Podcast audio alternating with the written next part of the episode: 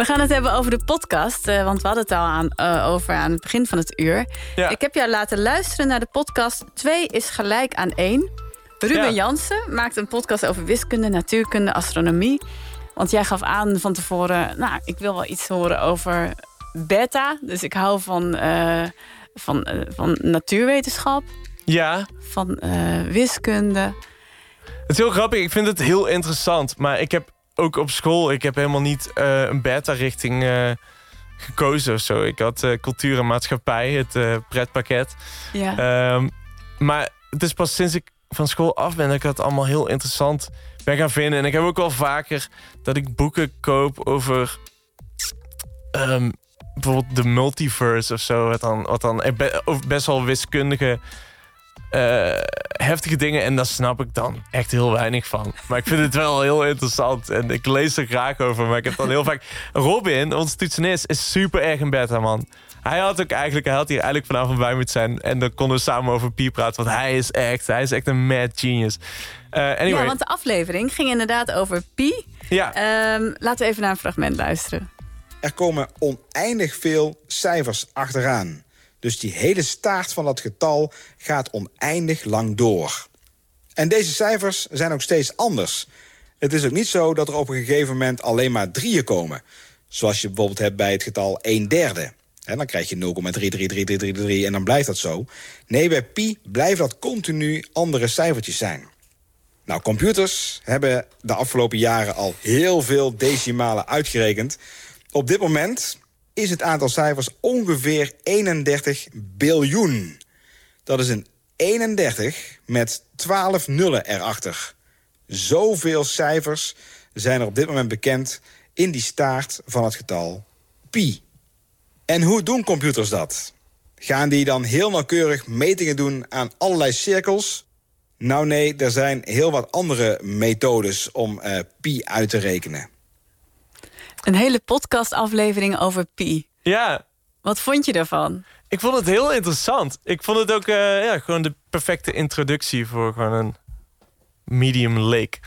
Eh, Wat heb je voor nieuwe dingen geleerd over het getal pi? Nou, ik heb eh, geleerd dat de eerste, wat waren het, 10 decimalen heb ik geleerd. Ik heb ook geleerd dat, dat het dus een oneindige reeks cijfers is. Dat wist ik niet. Ik dacht dat er wel een einde aan zat. Oneindigheid, dat vind ik zo een bizar... Dat menselijk brein is niet gemaakt om het concept oneindigheid echt Nee, volledig te Dat je het je appreciëren. kunt voorstellen ook. Ja, ik denk wel eens oneindigheid. Hoeveel getallen zijn er? Ja, oneindig veel.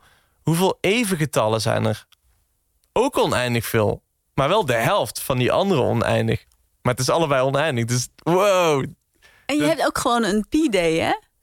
En wat? Een pi-day, dus een, Ja. je, je verjaardag... en eh, die je dan kan vinden in die staart van pi. Ja, want eh, omdat het oneindig is, zijn ook de, de kans op een random eh, sequence eh, nummers is één. Als in, die is, die, die is er. Maar de, alles zit erin. Jouw telefoonnummer zit er ook in, ergens.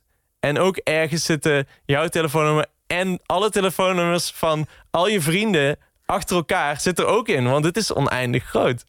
Ja, bizar. Dat is een bizar concept. Maar ja, oneindigheid is gewoon een heel bizar concept. En ik moest er ook aan denken dat...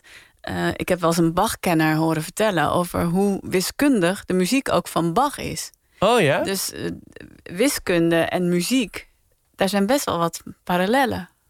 Ja, er werd in die podcast ging het ook over dat Kate Bush een nummer had over eh, wat over pi ging. En ja, in zekere zin, nu ik er zo over nadenk, het is wel. Ik denk dat het getal pi is best wel meer dan eens voorkomen dat iemand gewoon helemaal gek werd van het getal pi.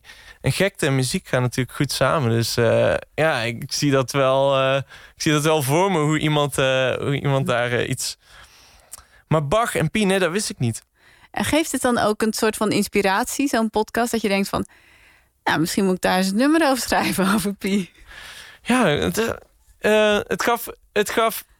Ik weet niet, ik kik er gewoon best wel op om dingen te leren. Dus zo'n podcast dan heb ik dan vandaag... Ik heb dat dan twee keer geluisterd. En daarna dacht ik, wow, ik heb echt iets geleerd. Dat, oh, dat vind ik echt nice, want... Zeker met de leegte die corona en de lockdown en zo bieden, is het, moet je toch voor jezelf een soort van ja, doelen stellen. Je moet zo van invulling geven aan je tijd. Ik in ieder geval als muzikant die thuis zit.